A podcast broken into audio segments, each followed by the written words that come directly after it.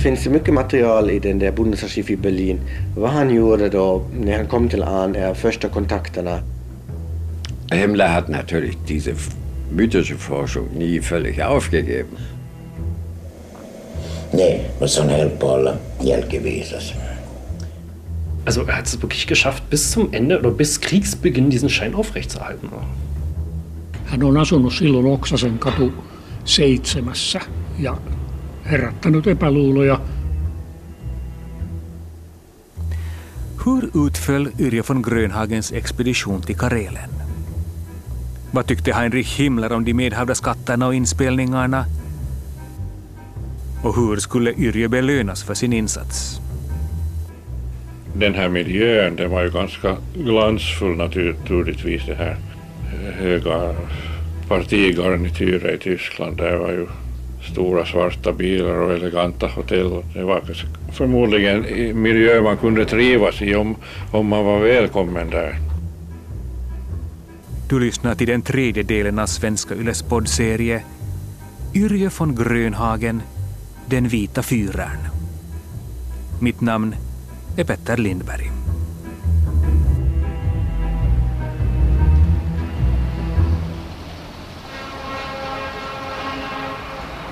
Yrje von Grönhagen har begravt sina filmstjärnedrömmar och gjort sig hemmastad i Berlin. Han har träffat Heinrich Himmler och mystikerna kring honom och han har på Himmlers uppmaning fått i uppdrag att åka till Karelen för att leta rätt på de germanska rötterna och finskhetens ursprung, säger historikern Dirk Schuster. Eigentlich sollte Grönhagen dort sozusagen den Ursprung des Finnentums wiederentdecken. Yrje har inga problem med att hans egna kunskaper är bristfälliga eller att han ska försöka bevisa en högst befängd hypotes. Jetzt suche uns den letzten Beweis. Und das ist natürlich überhaupt nicht mehr wissenschaftlich. Also es war keine offene Wissenschaft, sondern nur noch, wir haben das Ergebnis und jetzt müssen wir nur noch die Ergebnis, äh, die, des, den Weg dahin suchen. Det var med andra ord så långt ifrån en vetenskaplig forskning man bara kunde komma. När Yrje von Grönhagen fick i uppdrag att leta rätt på beviset som skulle fastställa det man redan på förhand bestämt. Men detta bekymrade inte Yrje som till sitt förfogande fick den tidens främsta tekniska apparatur. Was er dort für Technik allein bekommen hat für diese Forschungsreisen, die war mehrere tausend Reichsmark wert, was zu der damaligen Zeit unheimlich viel Geld war. Dafür, das war mehr als ein Jahreslohn eines Arbeiters. Att Himmler hade stora planer för Yrje vittnar redan det faktum att budgeten för inspelningsutrustningen översteg en tysk arbetares årslön. Himmler eh, hänen veljensä oli insinööri. Ja hän toimitti näitä eh, nauhareita. Firma, mikä se oli AEG, se oli kiinnostunut, miten se toimi teknillisesti maastossa. AEG ville veta hur bandspelarna fungerade i terrängförhållanden, säger Yrje von Grönhagen. Det, det finns också sådana, också sådana tekniska möjligheter som ingen annan forskare i världen hade då tiden. För att SS och Himmler hade de här kontakterna. Historikern Malte Gasche förundrar sig över den högklassiga apparaturen, men förutom världsklass bandspelare av märket AEG fick Yrje von Grönhagen en assistent med sig på resan, en tysk expert på folkmusik vid namn Fritz Båse. Båse oli eh, yliopiston kansanmusiikkiosaston päällikkö.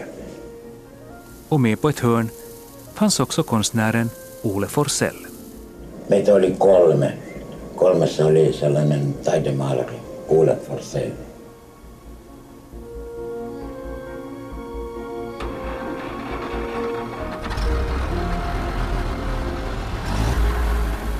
Och så var det äntligen iväg från Helsingfors och därifrån vidare österut där man hade för avsikt att göra bandinspelningar och filma. Me vuokrasimme vanhan taksin, Dash-taksin Helsingissä ja Viipurin.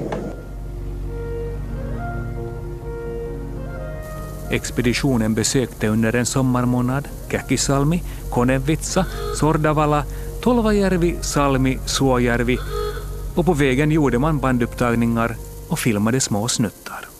Muuten tuotiin nämä laulajat tai itkijät tai runoilijat, runolaulajat sortavalla tai salmeen. Sinä olet nätti poika, sinusta minä tykkään. Sinä olet nätti poika, sinusta minä tykkään. Resan till Karelen verkar ha förlöpt väl, även om den bjuder på några dråpliga incidenter. Bland annat vill en urgammal trollkunnig kvinna på 92 år göra Yrjö till sin man och efterträdare. Oli erittäin hyvä yksi noita, Miron Aku. Hän pyysi minut naimisiin. Minä olin 24-vuotias. Sanoi, että hän haluaa siirtää koko tietonsa oppilaalle. Och i något skede påstår Yrjö att en trollpacka medvetet lurat dem att åka fel. Me tiesimme, mihin on mentävä, mutta me mentiin väärin. Ja siinä oli paljon pikkupoikia sanoi, että tämä on väärä tie. Men förutom ortsbefolkningen verkade även polisen ha intresserat sig för denna udda delegation. Etsivän keskuspoliisin Sortavalan osaston raportti ää, pääosastolle Helsinkiin syyskuulta 37 ja, ja siinä häntä on kuulusteltu jo ja, ja tuota, hänen matkatovereitaan sillä, sillä matkalla. Seurantaa on ollut. Den detektiva centralpolisen intresserade sig också för Yrjös resor till Karelen och man förhörde honom och hans reskumpaner om vad de företagit sig i Karelen. Det fanns uppenbara misstankar att den etnologiska expeditionen istället var maskerad spionverksamhet, säger den pensionerade redaktören Jukka Lehesvirta, som bekantat sig med arkivmaterialet som finns om Yrjö von Grönhagen i utrikesministeriets arkiv. Redan inför resan verkar Yrjö ha väckt en del misstankar hos polisen. Tässä on vanhin dokumentti, joka hänestä on. Ja tämä on aika, aika näyttävä. Tämä on etsivän keskuspoliisin vuoden 1936 raportista. Tässä on siivoja on tehnyt ilmiannon oudosta tyypistä. Det äldsta dokumentet på Yrjö von Grönhagen är från 1936 där en städerska i Helsingfors lämnat in en rapport till detektiva centralpolisen över en man som beter sig mycket misstänkt. Han talar många språk och bara det utgör en anledning att skugga honom. Man vill veta var han rör sig och vem han träffar. Suurosa siitä liikenteestä, joka 30-luvulla kulki saksalaisten ja nimenomaan kansallissosiaalisesti ajattelevia saksalaisten ja suomalaisten väliin, kulki paikallisesti Mikkoloiden Laaksolaa ja takaisin. Den trafik som försiggick mellan Finland och Nazityskland skedde till största del via paret Mikkolas bostad i Helsingfors. Vilket inte var så konstigt eftersom Maila Mikkola, eller Maila Talvio som hon kallade sig i litteratursammanhang, var en av de mest uppburna finska författarna i Tyskland och dessutom en svuren beundrare av Tredje riket. Inte så konstigt alltså att även Yrjö von Grönhagen kom att tillhöra samma krets, säger professor Lisi Huhtala.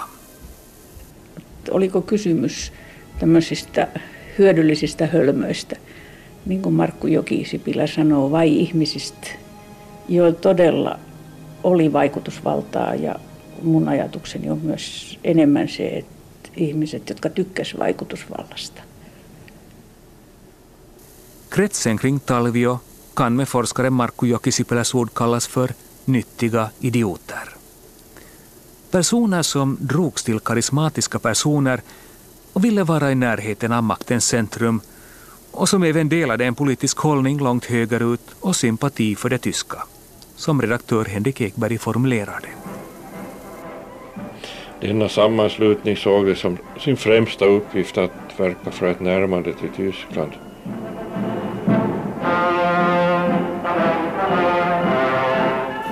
Karaktäristiken stämmer väl in på Yrje von Grönhagen som för en gångs skull får känna sig nyttig och sedd. Hokus Pokus wäre übertrieben, aber das spielt natürlich eine Rolle. Er scheint das aber ganz äh, sachlich angepackt zu haben. Yrjö hade onekligen ett intressant forskningsprojekt, säger den pensionerade germanisten Gert Simon. Särskilt vetenskaplig var nog forskningen aldrig, men att kalla det hokus pokus är en överdrift med tanke på att Yrjö utåt lyckades ge sin forskning alldeles sakliga ramar.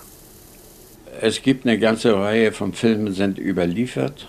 Die Originale sind in Ehrenbreitstein leider verbrannt. Förutom bandupptagningar gjorde Yrje von Grönhagen även filminspelningar i Karelen. De har tyvärr förstörts eftersom originalmaterialet låg på väldigt lättantändliga filmspolar. Men eh, från Karelen hade han också med sig olika föremål och en kantele som Himmler skulle få. Minä toin hänelle kantelen, siis viisikielisen kantelen. Yrje von Grönhagen och Fritz Bose var tillbaka i Berlin. De besökte Himmler i hans villa i januari 1937. Hän oli siis kiinnostunut ja kut- kutsi vuosia minut kotiinsa syömään ja sitten me toimme nämä materiaalia ja lahjoja. Man åt och drack och Himmler försökte spela på den kantele som medförts från Finland. SS Reisfyren blev förtjust över instrumentet och tyckte att sådana genast borde beställas mer av för att förgylla SS-männens kvällar på kompanierna. Vad skulle vara trevligare än att med kantelens hjälp åkalla de uråldriga tiderna? Himmler war äh, wirklich begeistert. In jedem Rune oder so, die er da, da gefunden hat, hat er irgendwas Arisches reininterpretiert, der Grönhagen, und Himmler hat das geschluckt. Himmler var överväldigad och svalde alla ariska antydningar som Yrje utläste ur det insamlade materialet eller påstod att de uråldriga instrumentens klang uttryckte. So können nur die Arier. Und das stieß bei Himmler auf solche äh, Faszination. Yrje hade nog ingen aning om vad han egentligen samlat in i Karelen. Men en sak visste han och det var hur materialet skulle presenteras för Himmler, säger Dirk Schuster. Er hatte keine Ahnung, was er da gemacht hat. Das muss man so wirklich sagen. Ich glaube wirklich, dass er es nicht verstanden hat. Er wusste aber, wie er Himmler das sozusagen verpacken musste. Himmler var förtjust och det var huvudsaken.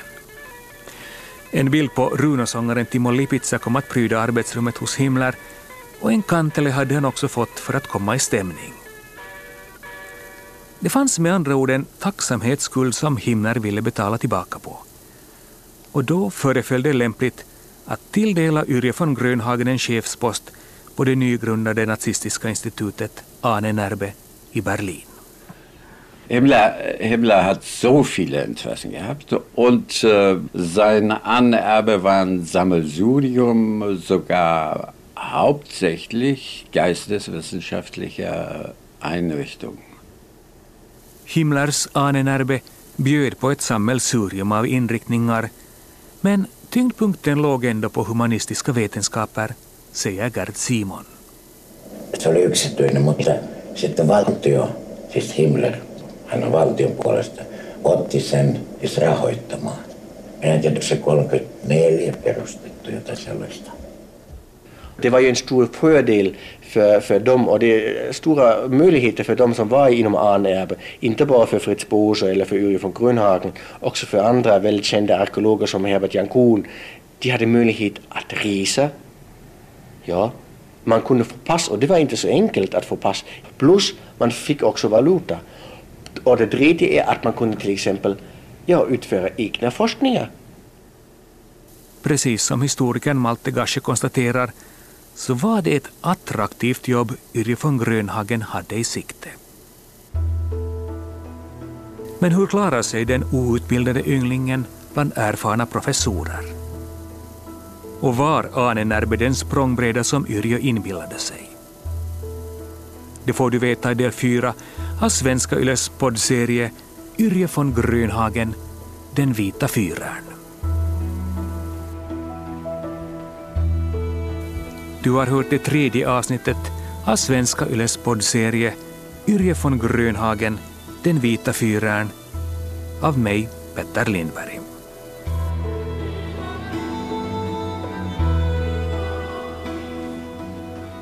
I serien medverkar historikerna Malte Gasche och Dirk Schuster, redaktörerna Henrik Ekberg och Jukka Lehesvirta, professorerna Lisi Huhtala och Ingrid Schellbach-Kopra, germanisten Gert Simon och Yrje von Grönhagen själv i en intervju som gjordes år 1986 av Vilpo Saunio. För ljuddesignen stod Jyrki Häyrinen. Producent var Staffan von Martens.